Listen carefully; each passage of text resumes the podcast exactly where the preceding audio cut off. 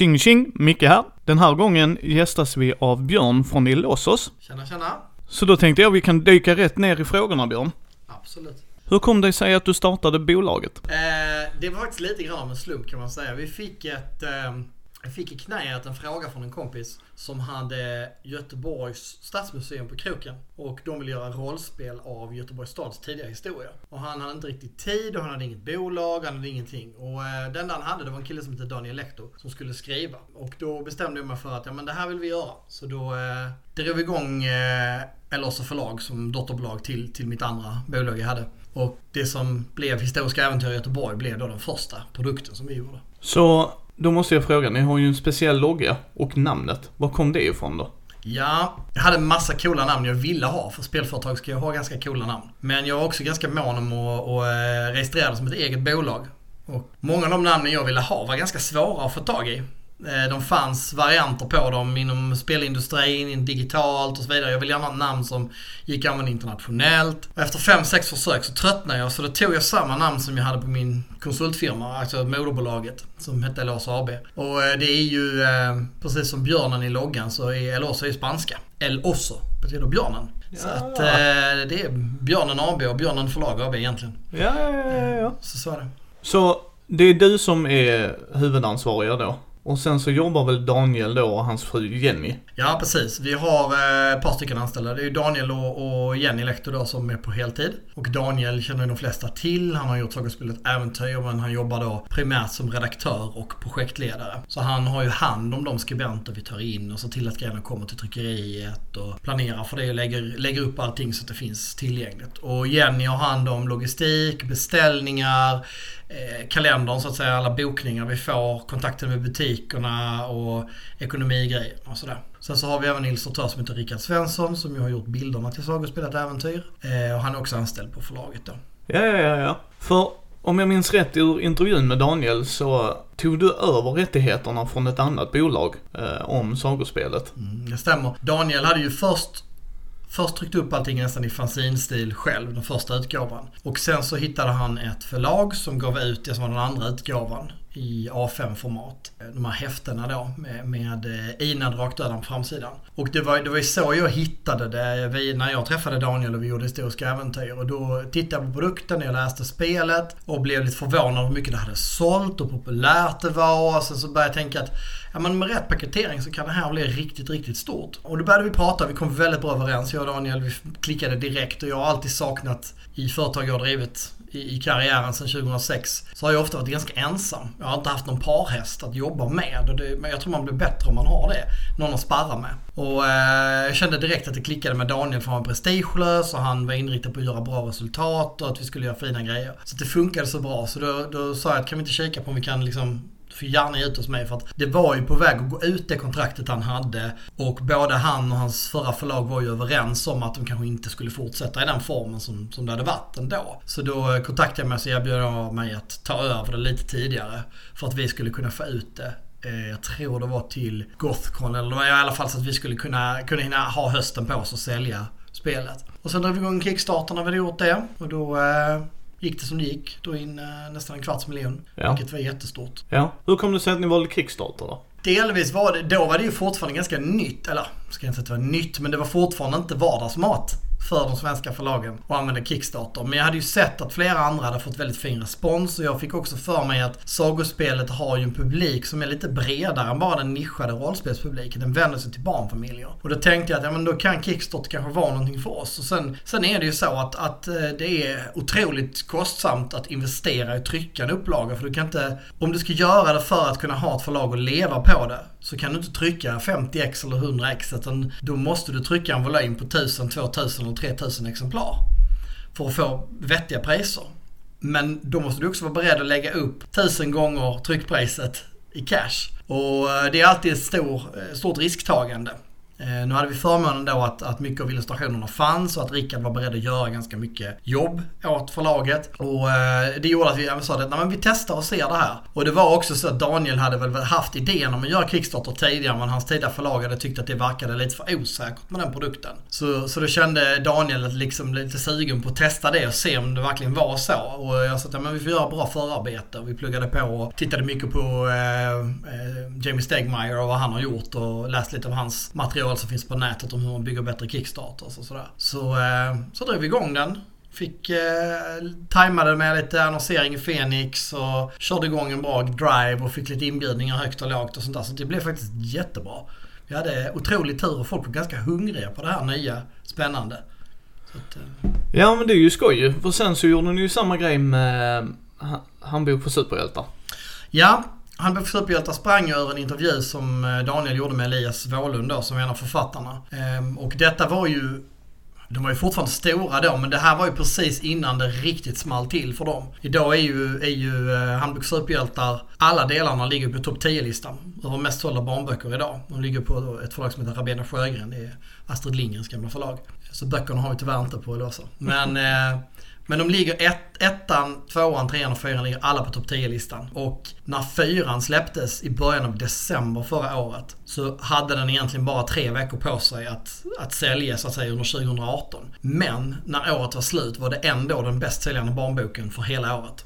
Oj, helskotta. På tre veckor. Jävlar. eh, körde de förbi alla andra. Så det är ganska häftigt och de har sålt i, jag tror det är 19 länder eller någonting sånt. Och de har sålt i 350 000 ex. Där var ju inte de när vi gjorde den intervjun, när Daniel gjorde den intervjun. Och då, då började han prata med Elias om rollspel och Elias hade spelat rollspel som liten.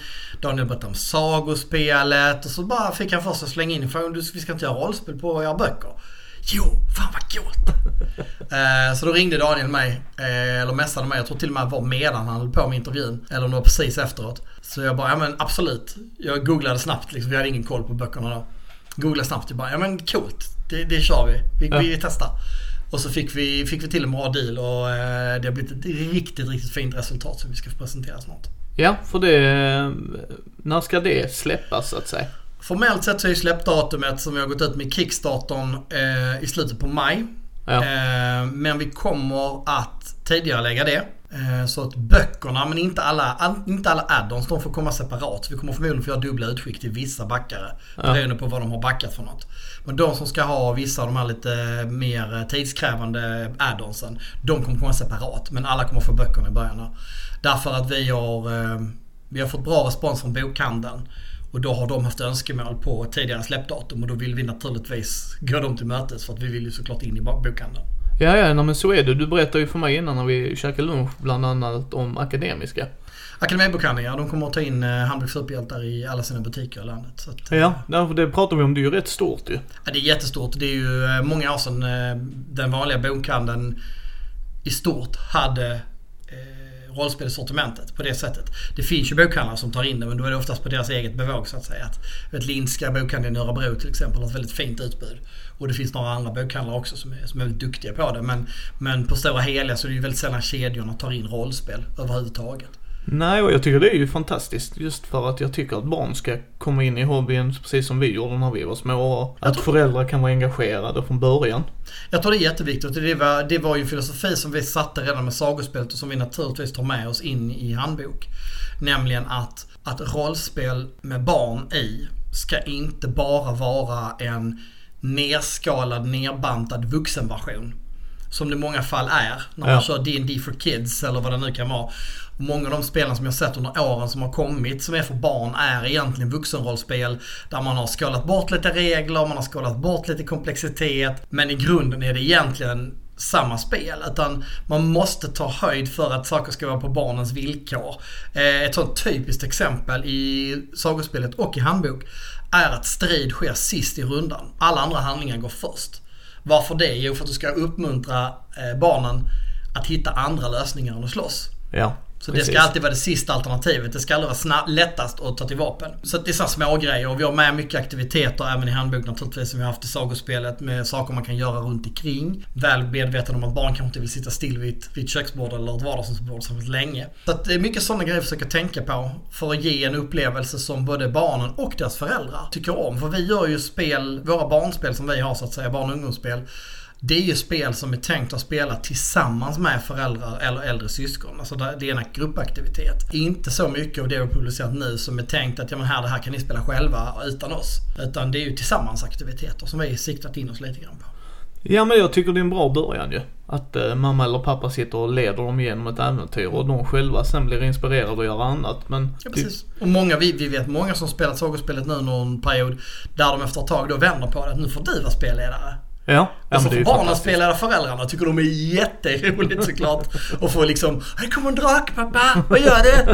Eh, och så har de ju lärt sig hur man ska hantera det. Så det är, det är jättehäftigt. Och handbok kommer ju vara ytterligare ett snäpp ner i förenkling. Kan man säga systemmässigt. Eftersom det vänder sig till en ännu bredare publik än sagospelet Ja. äventyr. Ehm, Så att det är verkligen eh, försökt att göra det inbjudande utan att göra det så pass simplifierat att det känns tråkigt och urvattnat. Ja det är ju en balansgång där ju. Det är en svår balansgång. Den har jag i alla spel. Från, från när jag sitter med chock och skriver regelsystemet där och man ska balansera moderna system med nostalgisk retro till eh, handbok och sagospelet där man ska balansera barnens behov av inte alltför komplexa regler. Kanske ännu med föräldrarnas behov av inte för komplexa regler. Men ändå med en spelglädje som gör att systemet faktiskt är till någon nytta. Ja för ni gör ju sagospelet äventyr. Eh, och sen gör ni då handbok för superhjältar. Sen är det ju Chock åter från graven. Stämmer. Det är ju eh, också en fantastisk möjlighet. Det är ju ett av de gamla klassiska spelen. Det finns en lång och komplicerad historia bakom Chock som ju faktiskt var en, en licens från amerikanska Chill, från Paysetter från början. Så det var ju det första spelet som gick ut i Sverige som, som äventyrsspel gav ut på licens i den bemärkelsen som blev stort. Och eh, sen har ju den licensen vandrat både hit och dit. Men, men Fredrik Malmberg då som på, på Cabinet som ju många känner till och som är ju lite grann the grand dad av svenskt rollspel. Eh, de har ju haft kvar en svensk licens på Chock. Så att det är med, med stöd av den som vi då ger ut den här versionen. Men då har vi också valt att, att eh, inte kliva in i de områdena där det så att säga kan finnas konflikter med den amerikanska rättighetsägaren. Så vi har undvikit sånt som, som, som skulle kunna vara känsligt för att vi inte ska behöva hamna i det. För det, det är inte därför vi gör spel liksom. Nej precis, alltså det Men är det då helt nytt gjort så att säga? Spelet, om man säger så här, regelverket var ju många kritiska mot redan när det kom. Så det har vi ju slängt ut kan man säga. Så det är ett helt nytt regelsystem som, eh, som jag nämnde innan, som försöker att balansera ett modernt och ganska smidigt system. Det kan nog, om jag tror att man bara ser det utifrån och inte har läst reglerna så tror jag man kan säga att det här ser inte så enkelt ut. Men mekaniken är faktiskt väldigt basic i grunden för att det ska gå att hålla ett ganska högt tempo om man vill. Och inte fastna för mycket i detaljer. Men det finns ändå ett litet djup man kan kliva in i. Men jag vill samtidigt göra det nostalgiskt. Det ska kännas lite grann som gamla chock. Jag hade en devis redan under Kickstarter-perioden för chock där jag sa att jag vill att det ska kännas som att om chock aldrig hade funnits och det här var den första versionen som någonsin kom ut av en slags äventyrsskräck med retrokänsla med rötterna i svensk folktro. Då, då, då ska det här vara det spelet. Så att eh, det är en blandning av att försöka hitta tillbaks till känslan från den gamla chock. Men om man har läst det gamla chock nu igen så visst det är nostalgiskt och det ger vibbar. Men eh, få spel har åldrats med jättestor värdighet om man säger så. Så att det behöver en, en eh, uppborstning. Så det är mycket nytt men mycket av koncepten är kvar. Save är ett sånt exempel på någon, en organisation som vi har svårt att ha kvar av upphovsrättsliga skäl eftersom den heter Save även på engelska. Och, eh, men däremot finns det fortfarande kvar att man är medlem i en hemlig organisation. Ja, ja, ja. Så att man, man har ju kvar hela konceptet med att man jobbar för en hemlig organisation som gör uppdrag. Det vi har bytt är att från 80-talets eh, värld när chock kom ut, då var världen ganska bipolär. Det var, det var eh, Warszawapakten och NATO. Det var eh, det okända och Save. Det var vi och dem. Antingen till du den ena sidan eller den andra sidan. Det fanns inget mittemellan. Det var en god sida och en ond sida. För så så såg hela världsbeskrivningen ut. Idag lever vi i en värld som är mycket mer polariserad med, med, med vänner som knappt är vänner längre och, och fiender som man inte vet vad man har som nästa vecka kanske är en allierad för att ni har samma gemensamma tredje fiende. Eh, och det vill vi lite grann spegla vår moderna världs problematik. Så därför finns det olika sällskap och det finns även olika sällskap på andra sidan så att säga. Så att Eh, det ger lite mer dynamik och jag tyckte faktiskt när jag tittade igenom att det, det blir bättre. Spelet växer av det. För det ger mer möjligheter för, för chock, chockmästaren att eh, välja hur man vill spela. Vill ni spela som frilansare som tar olika uppdrag mer som en slags Delta Green Mission eh, grej. Eller vill man spela att man är kanske kandidater som vill bli medlemmar i, i Väktarna då, Custodes som är den mäktigaste organisationen. Eh, eller någon annan sån ingång man vill ha. Att man kanske hamnar i politisk konflikt mellan olika organisationer som alla vill bekämpa monster men vill göra det på olika sätt och sådär. Så det finns liksom lite olika vinklar. Jag tyckte det, det är ett typiskt exempel på en grej chock där vi har behållit andemeningen av att vara medlem i en organisation och jobbar för den för att bekämpa monster. Men där vi har ändrat liksom lite grann hur det funkar. Så det är lite så, så det ser ut. När släpps Chock då? Chock släpps eh, efter sommaren. Mm. Slutet på augusti, början på september. Vi flyttade ju deadlinen här. Vi, som jag sa till backarna i, i något av utskicken där. Det har varit mycket sjukdom i höst. Vi har varit väldigt beroende vid ett litet förlag små grejer. Allt ifrån eh, belastningar på våra andra jobb till eh, att Daniel bröt armbågen i ah, november. Ja. Jättedålig grej när man är redaktör och skriver for a living. Yes. Um, men det har hänt massa saker och det gjorde vi att vi kände att vår tidsmarginal blev väldigt, väldigt snäv. Och antingen skulle vi behöva tok-pusha ut boxen och lämna allt annat till sen. Eller flytta deadline. Och då flyttade vi deadline. Och det har vi fått enormt stöd för. Det jag har inte hört någon som tyckte det var en dålig idé. Så därför kommer den ut slut på augusti, början på september istället. Ja, den kommer jag ta en kik på kan jag säga. Uh, jag missade tyvärr den kickstartern så den, uh, den kommer jag titta närmare på. Det går lite pledge fortfarande. Inte så länge till, men det går faktiskt. Det gör det? Ja, men då ska jag ta en titt på det efter vi har pratat här så ska du visa mig vad. För du, eh, jag vet Cthulhu eller hur man uttalar den, av Mikael Bergström. Den ger ni också ut va? Ja, det är ganska ett nytt tillskott. Han låg ju tidigare på Fria Ligan. Ja, precis. För jag vill minnas, för jag har hans bok. Mm. Jag har ju beundrat den ganska länge. Jag är ju en jag får ju erkänna att jag, ju också, jag spelar ju mycket också, eller spelade mycket. Det blir väldigt lite tid för det nu tyvärr. Men eh, Cthulhu har ju alltid legat mig varmt om hjärtat och Lovecraft-mythosen är fantastisk. Eh, så när jag sprang på eh, Kranks, som han kallas då, Mikael Bergströms eh, Cthulhu, så eh, tyckte jag det var ett väldigt charmigt spel. Jag tyckte det var välgjort, jag tyckte det var ett bra berättarspel. Eh, och man jobbar mycket berättelsebaserat och, och mer så att säga friforms. om man vill inte ha så mycket regler och man vill inte ha så mycket sådana bitar. Så tycker jag det funkar jättebra för hur man hanterar konflikter. Eh, Eh, och mycket problemlösande och så. Så jag har beundrat det ganska länge. Och sen så släppte han nyheten eh, för inte så länge sedan att, att ligan då ska inte ha kvar det som man kallar Spindelkonungens förlag. Som var en slags eh, samlingsyta för just mindre publishers som, som de hjälpte att trycka och så. Men mm. liksom, som, ett, som ett subförlag. Eh, de skulle inte ha kvar det i den formen. Jag har ingen aning om vad de har tänkt göra framöver med det. Men, men i alla fall. Han gick i alla fall ut på Facebook och sa att nu har jag ingen hemvist så nu måste jag fundera på vad jag ska göra. Och då hörde jag av mig direkt så jag vill jättegärna ha ditt spel i, i min eh, katalog. Så att katalog. Så att uh, han är en väldigt trevlig människa att göra med. Vi har haft lite kontakt och han hjälper till nu med layouten på Chock till exempel. Så det har varit ett väldigt givande samarbete. På.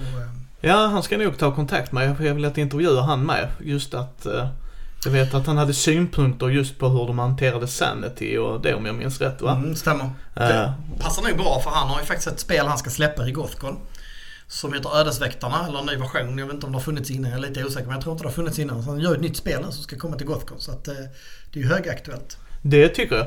Men det är det jag gillar liksom att du tar in också inte bara en grej utan liksom det kommer någon som du, du för du verkar vara en inbiten nörd om jag säger så liksom.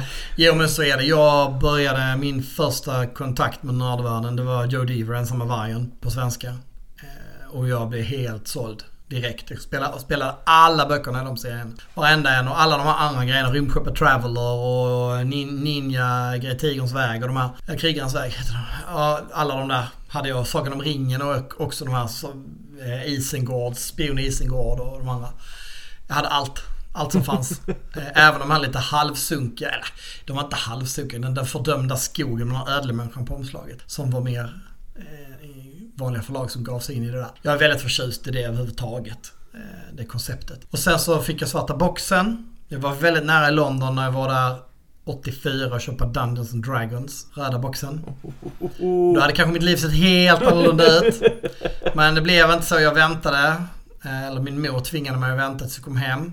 Jag tyckte att engelskan inte var ett problem, men hon tyckte vi skulle vänta. Så jag köpte den svarta boxen hemma så blev det Drakar och Demoner för hela slanten och sen var jag ju fast. Och sen har jag gått därifrån. Jag har spelat mycket MUTANT, mycket chock. Chock blev alltid det där spelet som jag ville spela mer än alla andra i spelgruppen. Ja, ja, ja, ja, ja. Så det var väldigt ofta, men jag har en chockare, vi kan spela. Nej, men, men vi har spelat de här vanliga äventyren. Med Var Jaguarerna vi har spelat Draculas hämnd och lite sånt och, och Loch Ness. Och så, så att vi har ju spelat ganska många men det, det var otroligt kul. Så fast när vi MERP, när det kom, svenska Sagan om ringen-rollspelet. Ja, ja, ja, ja, ja. Eh, och därigenom gick vi över till de engelska via Rollmaster faktiskt av alla spel. Extremt regeltungt. Och sen fortsatte vi till Cthulhu. Spelade mycket Cthulhu under några år. Och sen bytte jag spelgrupp så splittrades vi lite grann. Och sen så kom jag ner och började plugga på universitetet och sådär. Och då, då blev det mycket White Wolf. Väldigt mycket White Wolf ett tag. Framförallt Vampire men lite av det andra också. Spelet. Och där, nu svor du i kyrkan om Andy hade fått vara med. Han Yes. gillar inte White Wolf alls. Nej. Men jag gör, jag gör. Ja, det är bra. Ja. Eh, nej, men så vi spelar vi väldigt, väldigt mycket. Vi har en fantastisk, jag kommer fortfarande ihåg sommaren 94, den magiska fotbollssommaren för många. då eh, hängde jag på en förening i Malmö som heter Tomtar och Troll som var stor då. Ehm, och eh, hela nätterna igenom så spelade vi rollspel. Så när solen gick upp, då tog vi våra handdukar och våra cyklar eller bussen och så åkte vi ner till, till ribban till stranden. Och så sov vi på stranden, för vi inte sovit hela natten. Och så sov man fram till lunch och så var man lite mosig och gick och köpte sig en burgare. Och så gick man tillbaks till spellokalen och så började ett nytt spelpass. Och så levde vi i flera veckor under Ja, den sommaren. Det var minnen, Fina minnen. minnen. Om vi nu kollar på... Det är ju rollspel vi har pratat här. Ni ger även ut böcker ju. Ja, så är det. Alltså, Elosa har ju en ambition och det skiljer kanske oss lite grann. Jag pratade om det på, hos, Dan Algstrand för några veckor sedan. Att vi skiljer oss lite från de andra förlagen på Elosa. Därför att vi har ju en ambition att vara ett, ett, ett full range publisher, alltså ett fullserviceförlag. Det vill säga jag, var, det var aldrig tänkt att vi skulle vara ett spelförlag bara.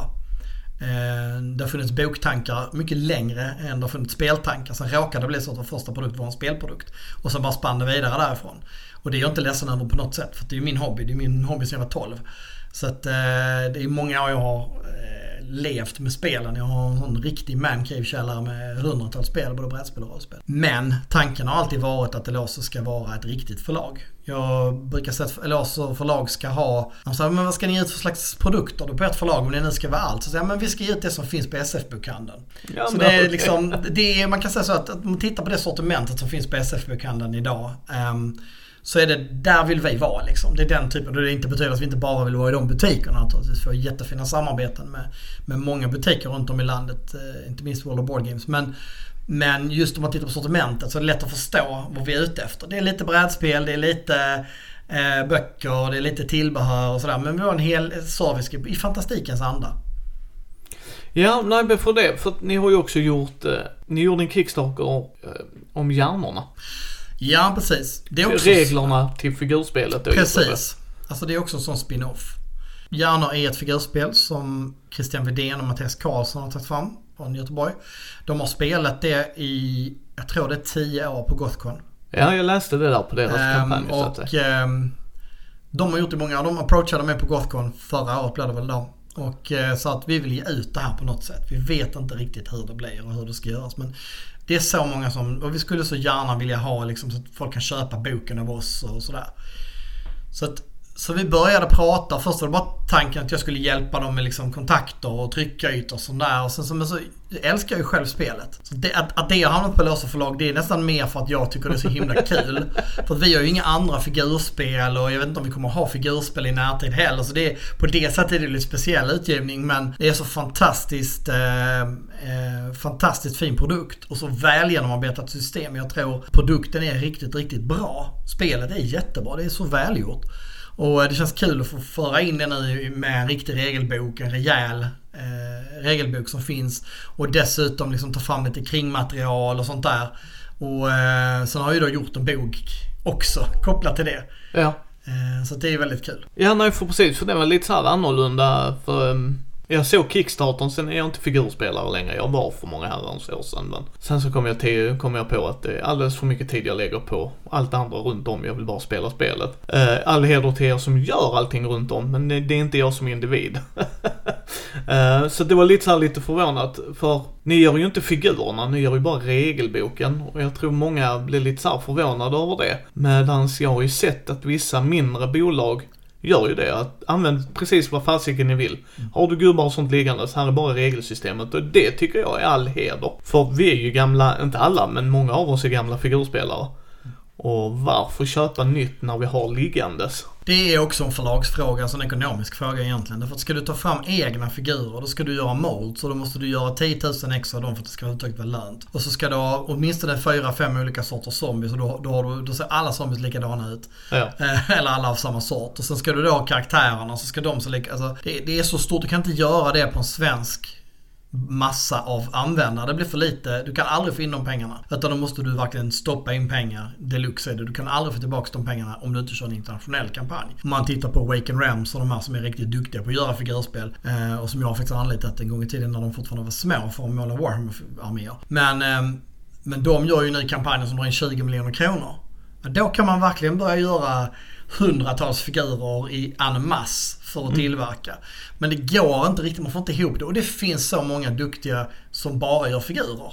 Så varför inte stötta dem istället? Och de som är inbitna figurspelare de vet redan precis vilka aktörer det är. Vi samarbetar då med Impact Miniatures i kampanjen och vi samarbetar med RSL Gaming eh, som är här i Sverige idag som gör terräng. Så att eh, vi har gjort så istället och dessutom kan man faktiskt spela med Zombieside. Det finns eh, specialregler för konvertering om man vill spela på Zombieside-plan också. Ja, ja, ja. Eller ja, motsvarande storlek som Zombieside. Det funkar ju egentligen till alla andra spel också som har den måttstocken så att säga. För ni ska ju ge ut Call of Cthulhu på svenska och även RuneQuest. Ja. Och eh, det är ju Kiosium. Eh, för er lyssnare som är lite yngre än mig och Björn så är RuneQuest grunden för Drakar och Demoner. Det är ju det bassystemet om jag minns rätt från äventyrsspelsboken. Som satte hela vår under, underbara hobby på svenska kartan. Det kanske hade kommit förr eller senare tror jag, men nog inte på samma sätt, det vill jag ändå påstå. Och de gör ju också mitt favoritsystem och värld, Call of Cthulhu. Eh, både jag och Andy tycker ju om det jäkligt mycket, för jag tycker skräck gör sig bra i rollspel. Det är en väldigt lätt och svår samtidigt att förmedla en sån skräckkänsla. Men Chaosium har ju funnits ett bra tag. Och de är ju granddaddy, liksom säger du Call of Cthulhu så är det ju de du tänker på. Alltså Cthulhu-rollspel så är det ju de. Liksom just för att de är så stora och internationella. Hur kom det sig att du kom över de licenserna? Ja, det är också en spännande fråga. Jag var i... Jag är ett stort Chaosium-fan ska jag säga. Jag är en riktig fanboy. Jag har spelat det mesta. Min första upplevelse egentligen av de här engelska spelen var när jag fick hoppa in med en kompis från Tolkien-sällskapet och spela Elric. Jag har alltid varit ett fan. Spelat Pendragon, Call of Cthulhu och alla de här. Egentligen allt. Jag har inte spelat RuneQuest däremot. Vilket är lite lustigt. Men vi kommer tillbaka till det. Jag eh, var på Gencon som är eh, ett av världens största konvent i Indianapolis. Yes, bra mässa. Jag har varit där två gånger. Fantastiskt ställe. Jag ska dit igen i år. Oh, avvis direkt. Mm. Ja, det är fantastiskt. Det är, det är början på augusti då. Och eh, jag var där förra året och eh, saluförde kan man säga Sagospelet Äventyr. Eh, och lärde mig lite mer om den internationella marknaden. Och hängde mycket med eh, Fredrik Malmberg då och Cabinet Entertainment-folket. Och då satt vi på en middag Eh, precis innan mässan skulle, kvällen innan mässan skulle börja. Och så frågade Fredrik mig, men Björn förutom liksom det här som vi har bestämt att vi ska göra liksom under de här dagarna. Vad har du för, vad har du för drömmar? Vad skulle vara liksom skulle vara the greatest win liksom för dig? Vad är det bästa som skulle kunna hända? Och då sa jag utan att tveka så här, ja det skulle vara att landa ett kontrakt och få ge ut Call of Cthulhu på svenska. Det är liksom, det, det är liksom regnbågsstjärnan där uppe i himlen liksom. Det hade varit det coolaste som skulle kunna hända. Och eh, så började han prata lite om Jason Doral som är line manager för RuneQuest och som skulle komma på på ett event som de skulle hålla. De har lite mingel och så som de brukar ha på i samband med det där. Så då träffade jag Jason, pratade lite om, om vem jag var och sagospelet och visade dem lite grejer. Och sen eh, några dagar senare på mässan då hade vi haft ett möte som blev inställt, eller ja, det blev väldigt kort rättare sagt. Så han kom bara för att säga att han inte kunde ha mötet. Och eh, så sa jag, men nu har vi en liten stund, ska vi inte bara gå förbi kaosiumbåset och, och snacka? Skulle du kunna hänga med Fredrik? För att, ja, de känner ju inte mig liksom. Jag är bara en random dude. Ja. Och han kan ju presentera sig och berätta vad han gör och sådär. Men det visar sig att, då är det så att Fredrik har ju, eh, ett av hans första jobb eh, i livet, det var när han blev praktikant hos Greg Stafford. Och var med och speltestade alltså första utgåvan. Så att eh, han, eh, han har ju liksom en jättelång historia och har jobbat för Chaosium en gång i tiden när han var tonåring. Ja. Och eh, det roliga var att när vi kom till båset så var Greg Stafford där. Det var ju bara månader innan han gick bort. Och eh, det blir så kärt återseende när han träffar Fredrik igen för de har ju inte setts på årtionden. Så att eh, det var ju så verkligen, de kramade om varandra och, och verkligen hade ett långt hjärtligt samtal där. Och eh, jag fick möjlighet då att träffa Michael O'Brien som är licensansvarig. Så vi satte oss ner och hade ett impromptu möte där, bara rätt upp och ner i bakkant på montern. Och eh, berättade lite om sig och Fredrik presenterade sig och, och eh, sa att jag var en bra kille. och eh, berättade lite vad han hade gjort och så. Och så berättade jag lite om det vi hade gjort och varför jag ville ha Cthulhu och att vi hade en tanke på det här och att jag hade med mig även Henrik Ripa som de som har varit på Gothcon mycket känner igen. För han brukar hålla i rollspels-eventet för just Cthulhu på Gothcon. Han är ju även liksom en, ja, han har en karriär privat som, som gör att han är lite mer känd än kanske en vanlig rollspelare. I och med att han är yrkespolitiker. Och han är även community manager och har en del kontakter med Chaosium. Och då pratade jag med Michael O'Brien och Michael O'Brien sa men det här är ju jätteintressant. Vi är alltid intresserade av att titta på nya länder. Du kan väl eh, göra så att du sätter ihop ett, eh, ett affärskoncept. Det finns en länk på vår hemsida där du kan hämta hem liksom vad det är vi vill veta för svar. Liksom. Så fylla i det och skicka in det till oss och så tar vi en titt på den presentationen. Ja, jag tänkte det var ändå ett ganska bra möte tänkte jag. Det är ju ja. gött liksom. Jag var inte negativ alls utan nu gäller det verkligen att vi gör ett bra jobb och, och sådär. Ja, så gick mässan och så var jag på väg hem och det var mycket väntetid. Det var byte i Chicago så jag satt flera timmar och väntade. Så satte jag mig i, uh, i baren och uh, tog en öl och så började jag skriva på det här affärsprospektet då. Och hade tänkt på det hela vägen såklart. Eh, jag började skriva ner, började beräkna den stora marknaden, vad är det för produkter jag vill ge ut, hur ska det se ut. Och så, så fick jag ett mail från O'Brien som sa att ja, jag har nu sammanträtt med styrelsen och vi har beslutat att tilldela dig licensen för Call of Cthulhu. uh, och då hade jag fortfarande skickat in någonting.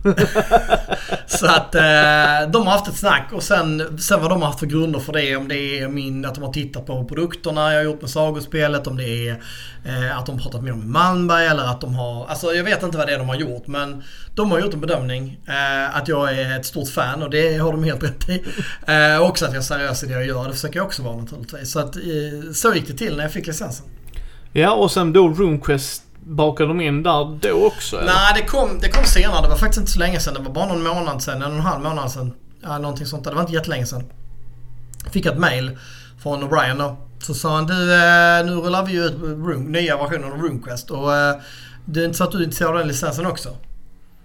Jag bara shit det här måste jag tänka på. Jag har inte spelat RuneQuest jag har inte koll på det. Alltså jo jag har koll på det på de flesta större spel men, men jag har inte spelat. Jag vet inte hur känslan är och sådär. Så jag fick sätta mig och läsa på lite och kolla lite. Alltså bara shit det är ju roligt och jag vill ju ha Kaosiums grejer. Ja. Men jag fattar ju också att jag vet ju, jag vet ju hur mycket det kommer att kosta att göra Cthulhu. Därför att översättningen är ju inte billig för det är massiva volymer.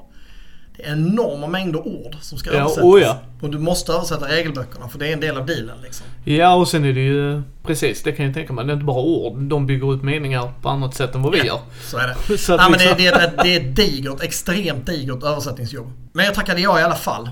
Därför att, eh, och jag sa, jag har sagt det att det kommer att skilja sig ganska mycket åt hur vi jobbar med de här två projekten. Nu eh, när vi gör den här intervjun så ska jag precis eh, åka ner till Polen och träffa Kasiums ledning på ett event där nere tillsammans med de polska, franska och spanska licentiaterna. Och eh, prata eh, Cthulhu en hel helg. Ja, det, det, ja jag vill, vill dit men... Mm, eh, alla, alla är där, säger jag bara. I ett slott i som, Polen. Som till och med var med i Harry Potter. Ja, så att, eh, precis. Kaka på kaka på kaka mm -hmm. där ja. Eh, och ehm, men, men tanken är att Cthulhu kommer ju nog att stå på mycket på egna ben för det är ett spel som är väldigt älskat och som är väldigt spelat. Vi kommer att göra två ganska stora eh, egna kampanjer eller äventyr.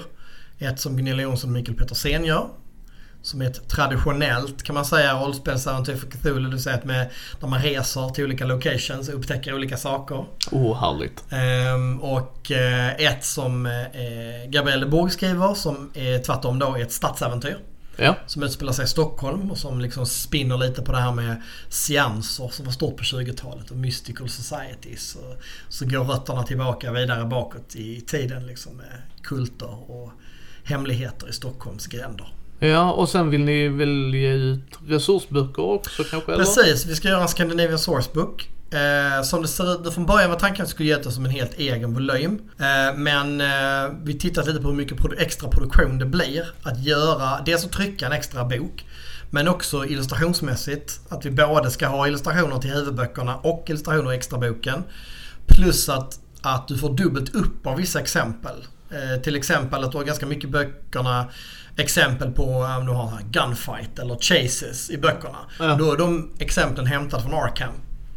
Ja, vi, vi vill ju ändå flytta miljön till Skandinavien. Och göra precis. det unikt. Och det känns så dumt att först göra det i regelboken och sen göra det en gång till i en så. Alltså det blir lite knepigt. Mm. Så att som det ser ut nu, eh, det är inte hundra än, men som det ser ut nu så kommer det att bli så att, att det blir en Scandinavian Sourcebook men det blir en integrerad del av regelboken. Okej, okej, okej. Ehm, och ehm, vi ska bara kolla med Kausim hur mycket vi får lov och hur stora friheter vi får lov att ta så att säga. Ja. Ehm, men, ehm, men de är ju väldigt generösa. Det är ett fantastiskt företag att jobba med. För sig. De, är, de är verkligen nördar själva. Ja. Och eh, alla är stora gamers och sådär. Så det ska bli jättekul. Det jag sa innan som, som jag inte fortsatte på det är att jag tror att skillnaden mellan Cthulhu och RuneQuest är ganska stor. För RuneQuest kommer verkligen få, få bli ett eh, kärleksbarn. Ett, ett projekt som, som kanske inte har så starka kommersiella förtecken som man annars tänker sig när det gäller rollspel. Därför att det är det är ju lite grann det mest nostalgiska man kan göra. Det här är ju, det här är ju spelvärlden och spelet som är grunden för allt rollspel vi har i Sverige. Ja. Det BRP-systemet som fanns i RuneQuest och det tänket kring hur ett system är uppbyggt och hur kulturer är uppbyggda. Det färgade ju hela äventyrsspels utgivning. Av de egna grejerna, Drakar och Demoner och i viss mån även då i, i det första MUTANT. Så att det är otroligt spännande att få, få ge tillbaks det till den svenska marknaden i, i original. Eh, Så jag tror att det, där kommer jag nog att vara väldigt öppen och bjuda in folk och alltså kollaborativt skapa saker tillsammans. Göra ganska mycket öppna grejer så mycket jag kan. Och, och liksom verkligen att det kommer att vara, jag vill, att, jag vill väldigt gärna att väldigt många ska vara engagerade i att göra det som ett tillsammansprojekt. Ja. Ehm, därför jag tror att det är, det, är ett, det är ett spel som verkligen vinner på det. Det är ett spel som har en värld som är 40 år, mer än 40 år gammal. Ja, den har ju några år på nacken. Och det gör ju att, att det finns en sån enorm detaljrikedom. Du skulle förmodligen kunna doktorera på Gloranthas biologi och botanik. Och det som är fascinerande med RuneQuest är att det är en helt egen take. Borta är ju hela den här västerländska medeltida fantasyn. Ja. Utan den, den, den fantasy som du har i Glorantha det är ju bronsåldersfantasy.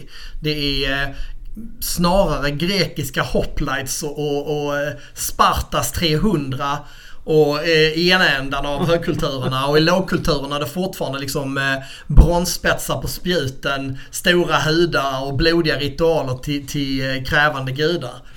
Eh, så det, är, det är en väldigt eh, annorlunda värld på det sättet, vilket är väldigt fräscht. Den gör ju någonting helt nytt. Eh, som inte spinner vidare på ytterligare en variant av västerländsk eh, europeisk medeltid. Nej, det är precis. Den har ju också mycket historia. Men kommer du göra det på Kickstarter, eget utgiv? Hur kommer det bli där? Jag har inte riktigt bestämt hur det ska bli. Jag tror att det blir en Kickstarter även för RuneQuest. Jag tror att det är nödvändigt när det är så stor produktion. Mm. Och det är också ett sätt att låta fansen vara med mycket tänker jag. Nu har vi inte börjat planera så mycket. Den kommer inte att påbörjas förrän Cthulhu är ute. Annat än översättningen och illustrationerna kommer börja nu. Ja, ja, ja. Men det är grundarbetet så Men, säga. men Det, själva, eh, men själva liksom hur Kickstarter ska, så ska se ut, det kommer, kommer att prata om i höst och sen så kommer vi att släppa Kickstarter någon gång i början på nästa år. Call of Cthulhu, kommer det komma som Kickstarter då? Cthulhu kommer som Kickstarter. Eh, vi håller på att planera för själva Kickstarter-filmen just nu, så vi får en cool trailer. Ja. Eh, äventyren kommer ju skrivas. Eh, men hur, framförallt så kommer ju Kickstarten avgöra hur mycket skandinaviskt material kan vi ta fram? Ja. Eh, hur mycket egna illustrationer kan vi ta? Det finns, vi får lov att använda de befintliga men vi vill ju få en mer skandinavisk Ja, prägel. ja, ja. Vi har ju vår eh, folkkultur och Så är det. också så att säga. Så är det. Omslagsartist är fixad. Eh, och vi har en, har som sagt äventyren klara. Vi har påbörjat att skriva några testtexter till, till den svenska delen. Bara som referenspunkter. Jag har även hittat en, en researcher i Finland som ska hjälpa till med finskt 1920-tal. Eh, så vi får med lite nordiska bitar. Jag ska hitta någon i Danmark och Norge också tänkte jag. Ja men det är fantastiskt, fantastiskt. Framförallt mig från Skåne, Skånepåg så liksom att eh, åka över sundet, alltså just ha en sån kall. Alltså det är, ja. Nej, det är som jag sa till dig där med, ska visa dig sen eh, eftersom vi sitter hemma hos mig, ska visa dig Dennis Gustafssons grejer. Han satt i liksom så här. för er som inte är från Helsingborg, vi har ju en gammal, gammal borgruin, alltså Kärnan. Och han har integrerat den och den ser ju ut precis som den alltid har gjort ju. Mm. Så när man bläddrar i hans bok så får man sån myterstämning och jag bara, "Ah, ja, det är som jag sa till mig. You had me at hello. Mm. ja, det är ju extra kul eftersom Cthulhu är ju mitt favoritspel också alla kategorier just nu. Så det eh, har varit ganska många år. Det är, eh, det är inte det jag har spelat mest skulle jag tro för det är nog både White Wolf och Dungeons and Dragons eh, så. Men det mest kvalitativa spelet jag har haft har alltid varit Cthulhu-sessioner framförallt älskar jag spelleda Cthulhu. Ja, du har ju som sagt, ja... Nej, det är bra gjort och de gör bra äventyr. Kiosium är riktigt eh, duktiga på att lägga ut source material, alltså så resursböcker liksom. Att nu, nu såg jag att de hade släppt för Berlin till exempel. Mm. Mm, jag menar det är ju skitbra liksom för att Dels om du är i Berlin eller bor i Berlin och vill Mm. liksom att de bara sträcker ut att de har en för Australien, Mm. att de har Arkham County, alltså att de har väldigt mycket sånt för att Mm. det är ju det som gör stämningen. Min, min bästa vän, han gillar ju inte Call of Cthulhu för att det bryter... Liksom han vill ju att du ska gå från 0 till 100. Det är ju inte så Call of Cthulhu fungerar. Nej, det är vanligt att gå från 100 till 0. Ja, precis. Eh, Och det köper jag va, liksom sådär. Och det förstår jag, det är olika spelstilar. Men jag gillar ju just den kaosen, mörkret och allt det där. Och kan jag då få in skånska referenser eller danska referenser eller norska. Så att verkligen göra en sån helhetsbild, det är ju bara fantastiskt för min del. Så att jag är, you had me at hello Björn. You had me at hello. Nej, jag ser också jättemycket fram emot det. Jag hoppas jag hoppas att eh, folk gillar det. Jag hoppas att folk uppskattar det. För det är ju eh, det är en stor satsning för förlaget. Eh, det är eh, två massiva böcker. Keeper och Investigators Companion. Men kommer ni ha spelledarskärm också? För här är en Ja. Det kommer att bli eh, hela kittet. Jag, det är också en av sakerna jag ska titta på hur eh, de har gjort. För jag vill ju väldigt gärna, jag kan inte lova det men jag vill ju väldigt gärna köra slipcase. Ja. Så som det var i alltså Cthulhus. Fast göra en egen slipcase då. Ja, ja, ja, nej för att det, det kan jag säga som spelledare så gillar jag just bara charmen med ett bra motiv och sen kunna sitta och hålla mina hemliga slag från för mig. Alltså det, nej, nej, det, det är fantastiskt. Så RuneQuest har jag goda vänner som har spelat och pratat väldigt gott om. Så där blir jag också jättetaggad. För jag, tycker mm, för, för jag tycker det är jättebra att ni översätter dem. För att det dels får man in nya i hobbyn. Och det är inte alla, även i dagens, liksom som engelska kanske inte är det bästa för dem. Alltså just det, det öppnar upp så mycket möjliga dörrar. All heder Mm, jag hoppas på det. Vi får se lite grann vad det tar vägen. Eh, och Det är en del grejer i, i med som jag har tänkt som jag inte kan prata om i min podd för att det finns, finns öron överallt. Men jag har en del intressanta nya grepp kring RuneQuest som jag vill testa. Som jag ska testköra lite med, med Chaosium också. Men det som jag älskar med det, det är ju, jag är ju mm, akademiskt så jag är ju historiker och har läst historia, religion, statsvetenskap. Jag skulle bli lärare en gång i tiden men så blev det inte. Och det är en värld som är planerad och som är tänkt. Det är en, det är en värld där, där, det, där det spelar roll vilken kultur du tillhör. Ja, Det är, ja, inte ja. bara, det är inte bara en etikett eller, eller en alignment som de klistrar på för att du får vissa fördelar av spelet. Utan det spelar roll att du kommer från tigerklanen när du kommer till björnklanens område. För den fejden ni har haft i 30 år den kommer omedelbart att spela en gigantisk roll för dig och du kanske måste duellera för att överhuvudtaget få komma in i byn. Alltså det, det är sådana grejer. Det finns så mycket rik flora av kunskap. Du kan sitta på allvar när du gått med i RuneQuest-gruppen. Vi har ju en svensk RuneQuest Sverige. Så har man spelat, ska jag säga det för det är en grupp som behöver växa lite. Eh, den fanns inte innan den startade för några veckor sedan bara. Mm. Eh, men det finns ju en Call of Cthulhu Sverige-grupp där du också är med och admin. Yes. Men det finns också en RuneQuest Sverige-grupp numera där svenska fans av RuneQuest kan gå med om man vill följa vad som händer i spelet och vad vi har tänkt och vad vi har planerat. Så det är ett jättebra sätt att jobba. Ja, jag kommer länka detta i, i, mm, på vår hemsida där i detta avsnittet. För att jag tycker det är ett bra Mm. sätt allmänt bara att komma i kontakt med andra nördar men samtidigt eh, hjälpa varandra. För där är grejer man kan ha frågor om, funderingar och det. Ja men så är det och det, det känns faktiskt, eh, känns faktiskt riktigt, riktigt bra. Och eh, ja, det ska bli väldigt spännande att se hur, hur det här tar fart. Liksom. Jag, jag har ett stort hopp om, om RuneQuest som en lite grann en ny renässans för, för svensk, rollspel på svenska. Ja, det är liksom, det är, nej, ja, jag ser fram emot det jättemycket. Både jag och eh, min co-host Andy. Anledningen till att jag säger ny renässans kan man säga, men varför är det vadå en renässans? Liksom, vi har ju sålt hur mycket svenska spel som helst. Det har vi, men om man lägger handen på hjärtat så är man okej, men hur många av de här svenska spelen som har kommit på senare år spelas aktivt och regelbundet i kampanjer? För RuneQuest är ett kampanjspel till stor Ja, del. precis. Det är ju inte en engångsgrej. Och jag undrar, jag tror att, att utan att veta med säkerhet, för det var en period när E.ON var det spelet som man spelade kampanj i. det fanns hur mycket som helst och hur stort som helst. Det finns säkert de som fortfarande gör det men de släpper, släppte ju nyligen en ny Kickstarter kring det.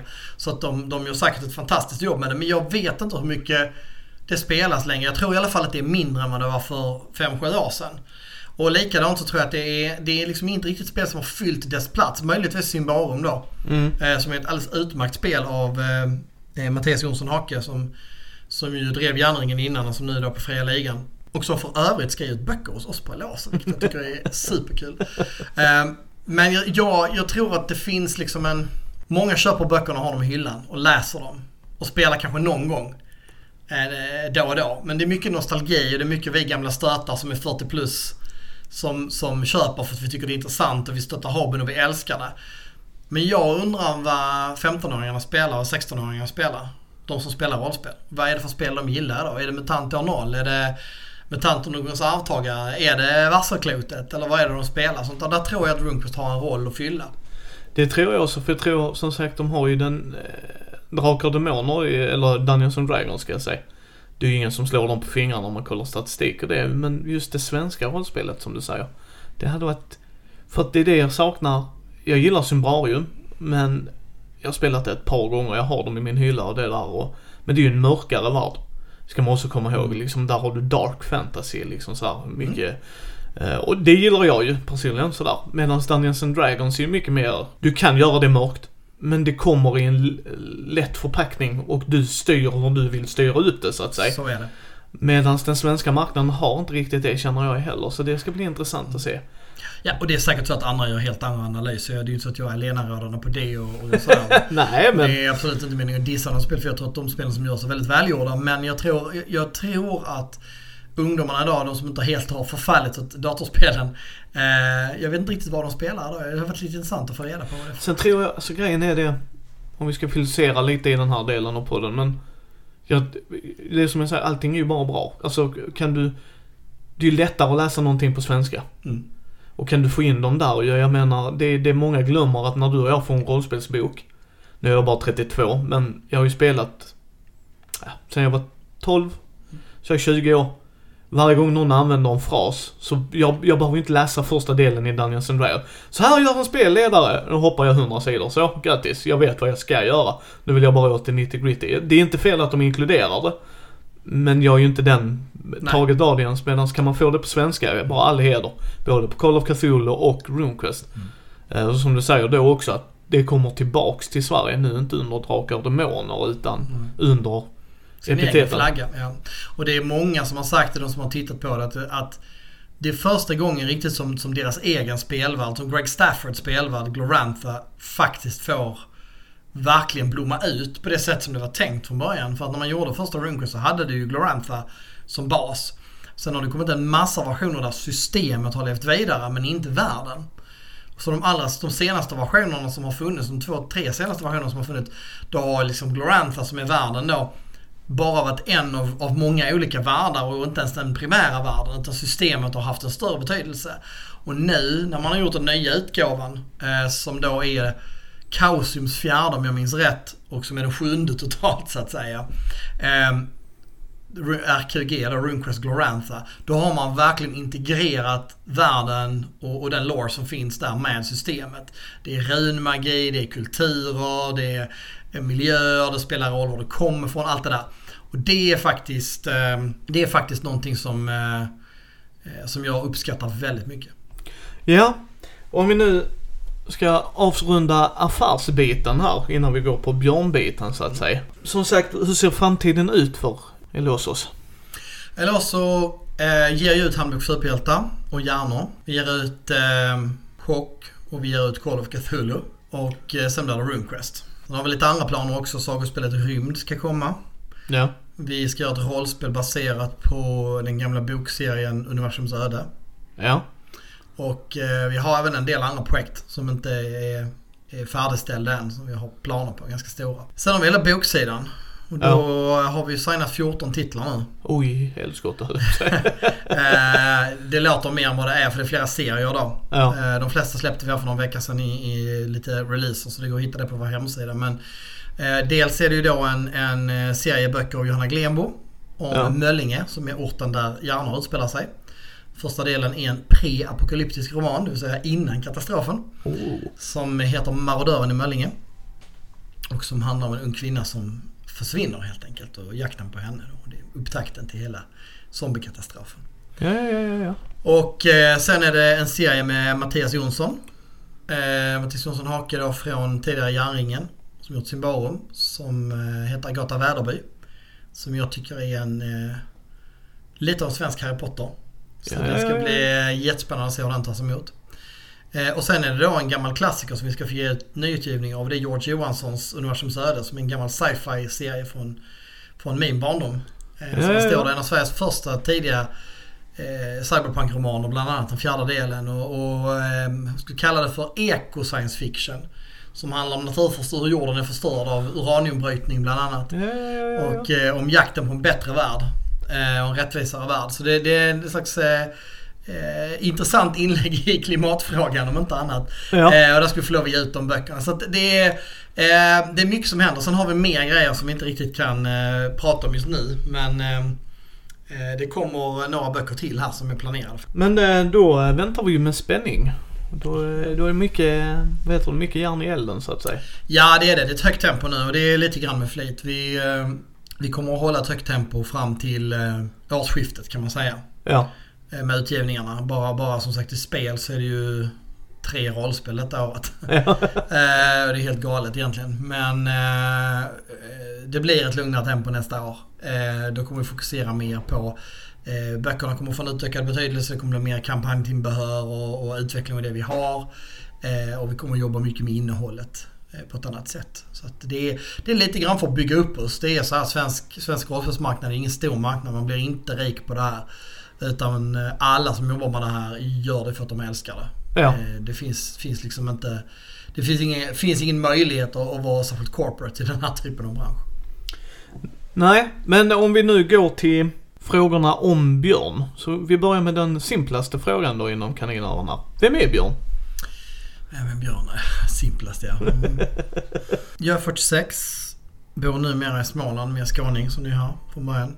Eh, gift, ett barn, en hund. Jag, eh, jag är den där nörden som var plugghäst. Plugghäst och mobbad. Klassisk rollspelsbakgrund. Eh, får man säga. Eh, spelen blev lite grann min ventil. Hittade mitt gäng att hänga med. Eh, och sen eh, pluggat på universitetet. Skulle bli lärare. Gymnasielärare. Läste religion. Började jobba lite på Sverok. Började om. Läste i lärarprogrammet. Eh, började läsa engelska för jag ville jobba på internationella skolor. Kanske jobba i utlandet. Hamnade en termin i USA. Som blev tre år.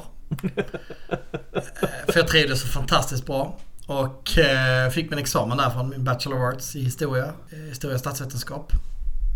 Och eh, kom tillbaks till Sverige lagom till eh, internetboomen och hamnade med Jonas Birgersson på Framtidsfabriken. Ja, Sen dess har jag kan man säga jobbat i gränslandet mellan spel, språk, kommunikation och IT. Spännande. Så eh, jag har ju en lång, lång karriär om man säger inom IT-branschen som egen företagare, som eh, anställd på Framfab, jag har drivit ett par olika bolag. Jag har jobbat väldigt hands-on, jag har haft egen startup, eh, jag har gått igenom en konkurs. Jag har eh, eh, varit kommunalt anställd. Eh, jag är statligt anställd just nu. Jag har varit privatanställd. Jag har suttit i börsstyrelser och jag har jobbat på golvet. Men just nu där jag befinner mig så jobbar jag mestadels med strategiska frågor kring hur Sverige ska bli mer digitaliserat. Ja, ja, ja. Om vi går, eh, vilket är ditt tidigaste spelminne? Alltså jag tror att mitt första spelminne är att jag sitter i min säng och läser Ensamma vargen-boken. Ja, det är... Och väljer krafter med omsorg. Ehm, Ja, jag det- inser ganska tidigt att det där med sjätte sinne, det, det fattade jag att det var rätt bra man hade det. um, och så var några jag tog som är helt värdelösa. Men, men eh, jag, tog, jag tog inte läkning på min första. Det vet jag att man måste ha det hela. Det måste man ha för då läker man en poäng per, per gång man byter paragraf. Och det är helt ovärderligt. Annars dör man av skadorna. Um, ja, det var jättekul. Det, det är nog mitt allra, allra första solospelsminne. Mitt första gemensamma spelminne Det är så länge sedan nu så man blir gammal och gaggig.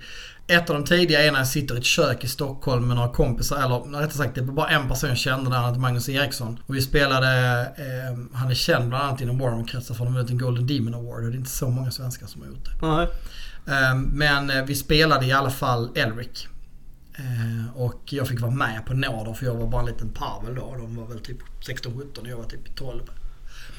Eh, och det, eh, det var en jättehäftig upplevelse. Sen när man spelade med mitt, mitt spelgäng på riktigt, då var det ju Maktens portar, där skogen Maktens portar. Ja, ja, ja. Framförallt Maktens portar har jag väldigt, väldigt starka minnen från. För du spelar ju rollspel då? Eller om när du har tid så att säga. Ja. När jag har tid nu för tiden blir det ju då. Men vi har spelat i många, många år. Jag spelar fortfarande med mitt barndomsgäng då och då. Tyvärr har det lite, lite svårt nu när vi är spridda över halva landet och alla har familj i princip. Ja.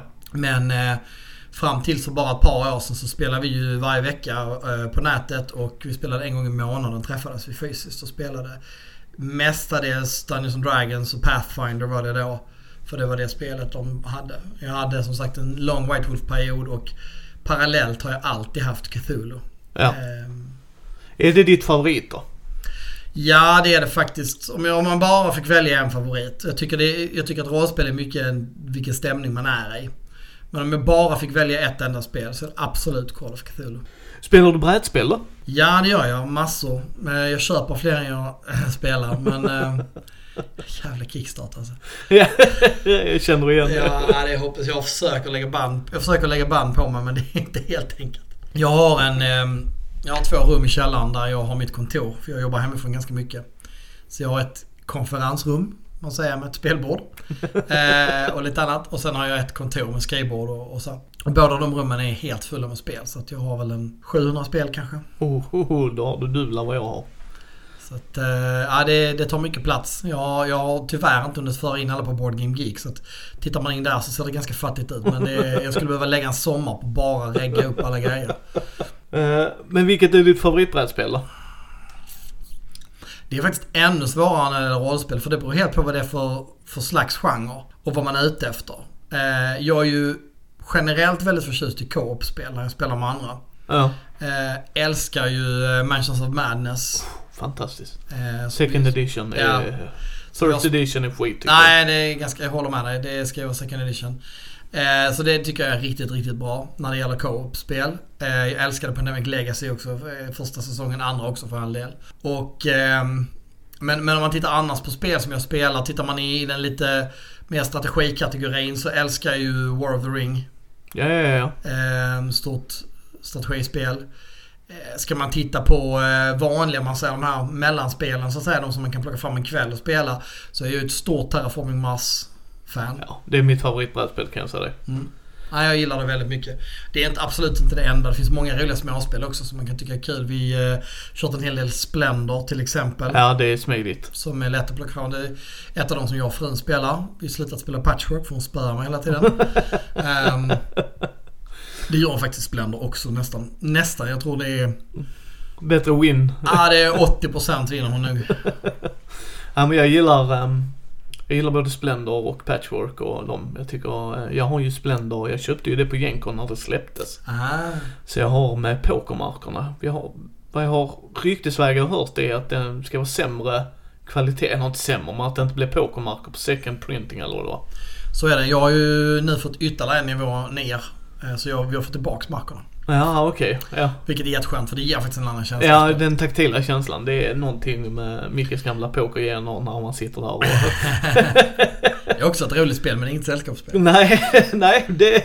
det håller jag med dig om. Det är inte så här man sitter och gör vänner. Hej, nu ska jag ha alla dina pengar. Sen är jag nöjd. Vi kan, ta en pokerkväll en gång. Det är jag lätt på för det var länge sedan. Ja. Men om vi går till rollspel då. Mm. Är du en rullspelare eller en rollspelare? Vet du vad jag menar med det? Mm, jag vet precis vad du menar med det. Jag spelleder ju mest kan jag säga. Ehm, Ah, you and me both. Så att eh, jag är mest en spelledare faktiskt om man ska vara sån. Men eh, så här. Jag är i första hand en rollspelare men jag tillhör den gruppen. Det här är rätt roligt för jag har mitt barndomsgäng eller mitt liksom, skolgäng som jag spelar med. De är, vi, vi spelar mycket rullspel. Tärningarna är viktiga, jag spelar mycket D&D. Det är ju liksom nästan gränsfall mellan brädspel och rollspel i vissa fall när det blir strid. Men å andra sidan så har jag ett gäng från Halmstad eh, som är extremt mycket friformade. De är inte alls från Halmstad längre, någon av dem. Eh, men eh, men eh, Fredrik Åkerlind, Fredrik Axelsson, Jonas Hörberg och ja, det är säkert ett gäng som känner igen dem från konventen när de var ute och spelade. De har skrivit också mycket fina sådana som vunnit priser för både Sverige och internationellt. Men de friformar mycket. Ja. Så jag har ju spelat i båda världarna. Jag uppskattar båda världarna. Men det jag gillar, det är när tärningarna och systemet faktiskt bidrar till att skapa stämning i Ja. ett rollspel. Så jag är, jag är inte extremist på något håll. Därför jag gillar inte när det bara blir massa tärningsrullande för rullandets skull. Jag kan dö smärtdöden i Rollmaster av alla tärningsslag och allting du ska göra. Eh, Jag kan tycka att Shadowrun är verkligen inte optimalt med sina... Det är jättekul att rulla mycket tärning och det är ganska coolt och det är lite action och så men... Det är ganska coolt och det är mycket action och så men det är å andra sidan inte särskilt spelvänligt. Å andra sidan kan jag tycka att spel som har för lite tärning, de blir för fattiga för mig. Jag tycker om spel där man låter systemet som spelet är byggt på representera den andan man vill ha. Ska du spela ett, ett Hongkong actionspel, då ska det vara snabba strider, det ska gå fort. Alltså där, där är jag väldigt tacksam att titta på ett spel som Western till exempel. Eh, eh, Tove Anders Gillbrings spel. Så tycker jag att den nya fjärde utgåvan är mycket, mycket vassare än den tredje. För den tredje var, var bra och det har alltid varit extremt gediget bakgrundsmaterial.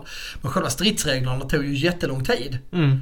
Eh, om du följde de, de riktiga stridsreglerna så att säga med, med exakt millimeterprecision och overlays och sånt. Och det finns ju fortfarande kvar visst men det finns också snabbregler för att spela på ett lite annorlunda sätt.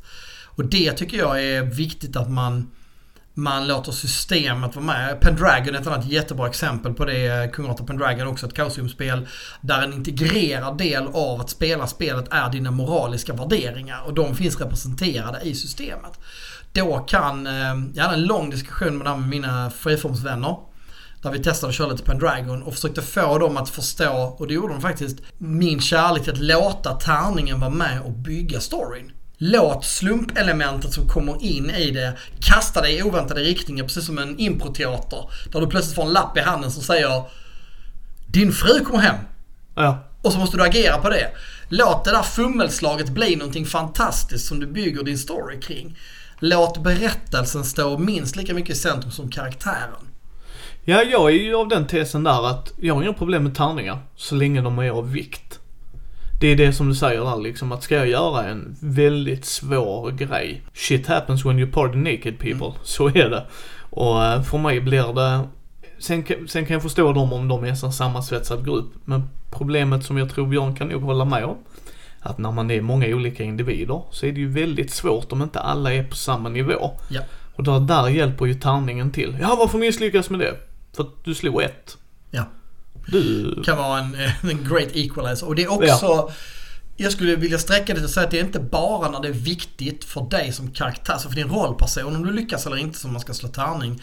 Utan när det är viktigt för berättelsen, huruvida du faktiskt lyckades eller inte. Spelar det någon roll? Eller är det, är det så att egentligen i det här läget så spelar det inte så stor roll annat än bara för din karaktär? Ja men då kanske spelaren säger att nej men du lyckas. Eh, för att du är så bra på det här. Men däremot så kanske det är intressant att slå, även om oddsen är ganska bra i din favör. Om du ska skjuta den där pilen i ögat eller in i, i dosan som kontrollerar den stora bomben eller vad det nu är liksom. Där det verkligen spelar roll för berättelsen. Och där det blir en helt annan story. Beroende på om du lyckas eller inte. Ja, jag håller med. Du ska rida i parad framför den, eh, eh, din älskade på turnerspelet i Pendragon.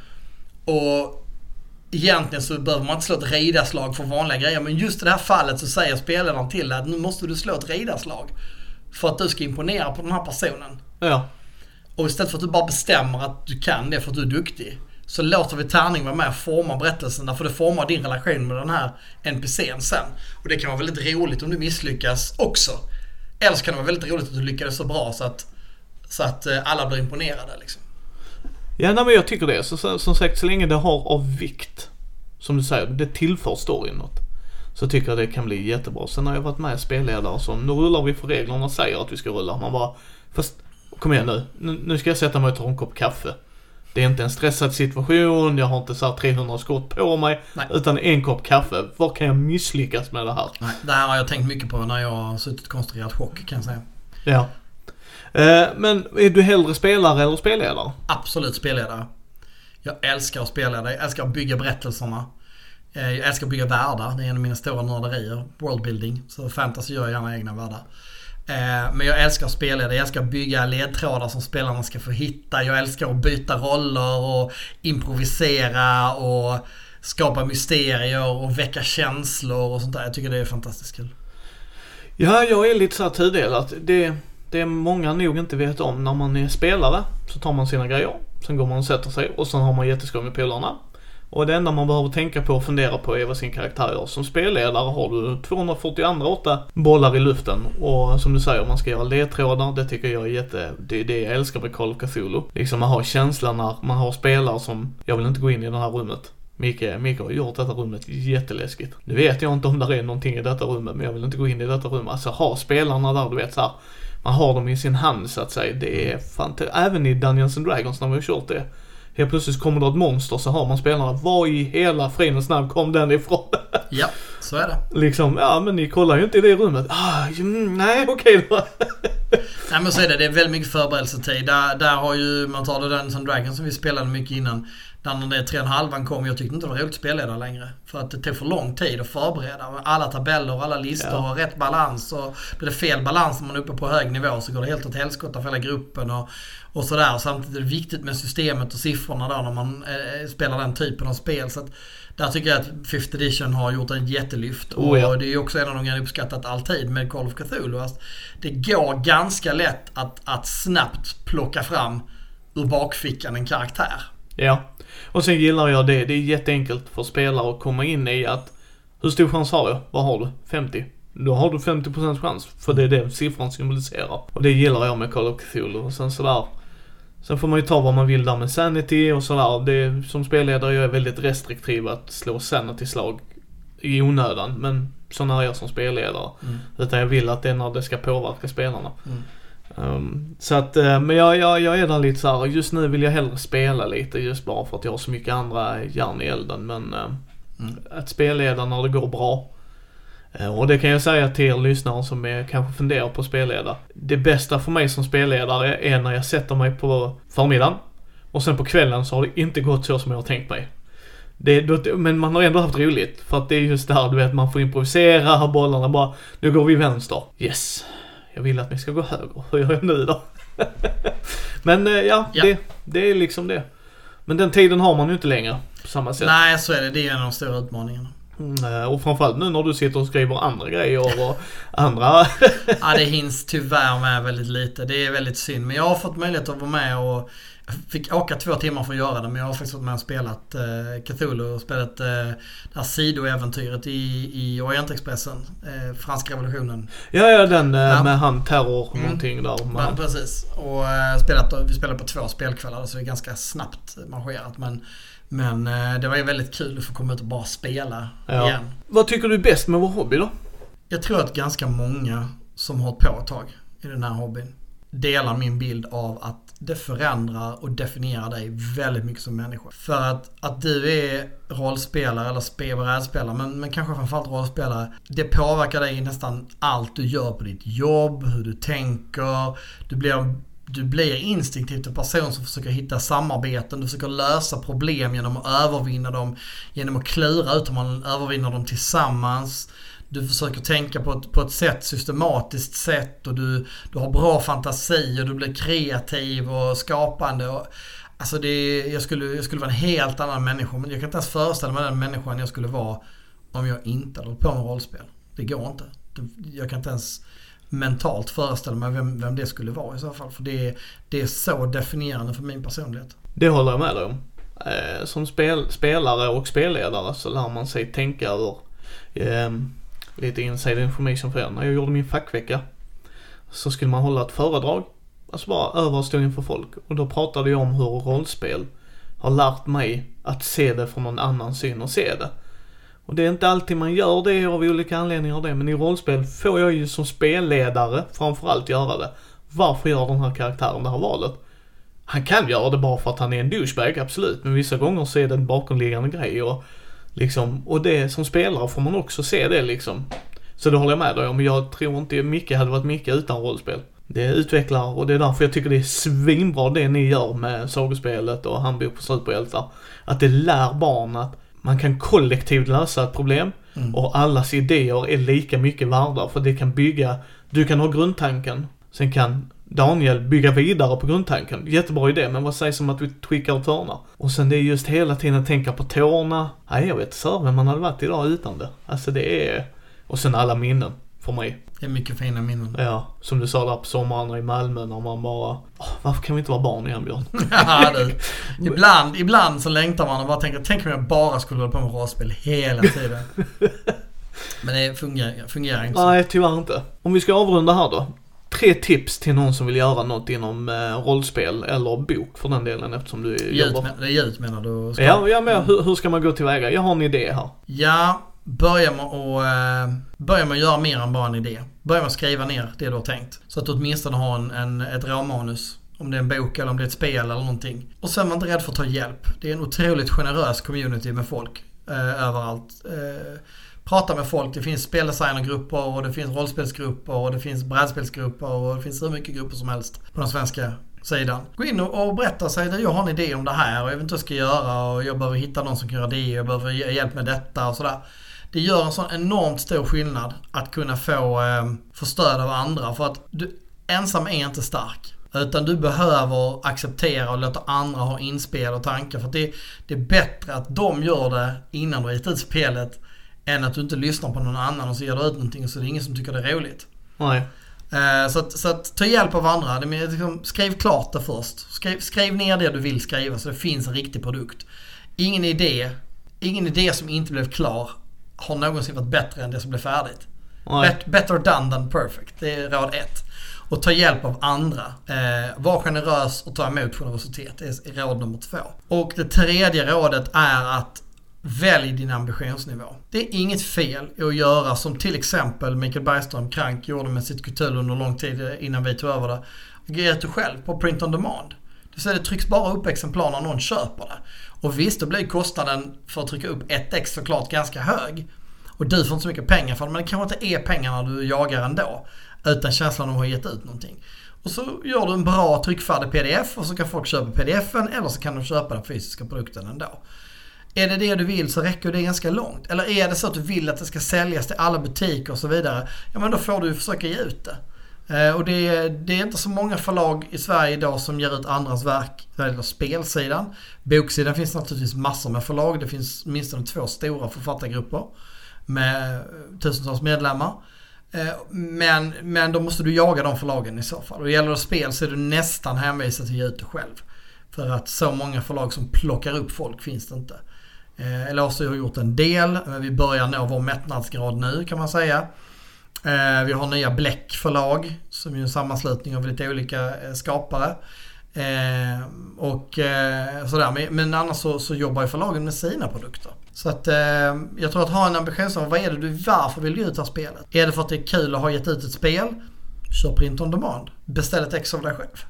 Är det för att du vill tjäna pengar på det och leva på det? Eh, för det första ska du skriva på engelska. Eh, och för det andra så, så behöver du ta hjälp av, återigen, tillbaks till råd nummer två. Ta hjälp av de som vet hur man gör. Ja, och var, var hittar man er nu då? Och hittar man på eloso.se, E-L-O-S-O, så det är ganska lätt. Eh, men man hittar oss nog om man ska ha en aktiv dialog så att jag inte bara läsa info. Eh, så är ett tips att man hänger på Facebook på Eloso förlags förlagssida. Eller på någon av sidorna för våra spel då. Eh, Handbok superhjältar, hjärnor, eh, sagospelet, chock och så vidare. Eh, men vi har även en förlagssida så att vill man vara säker och gardera sig så går man in och gillar Eloso förlagssida. Så då får man alla nyheterna. Och så kan man eh, välja var man vill vara med och snacka. Ja, härligt. Då vill jag tacka, på, tacka för er som har lyssnat.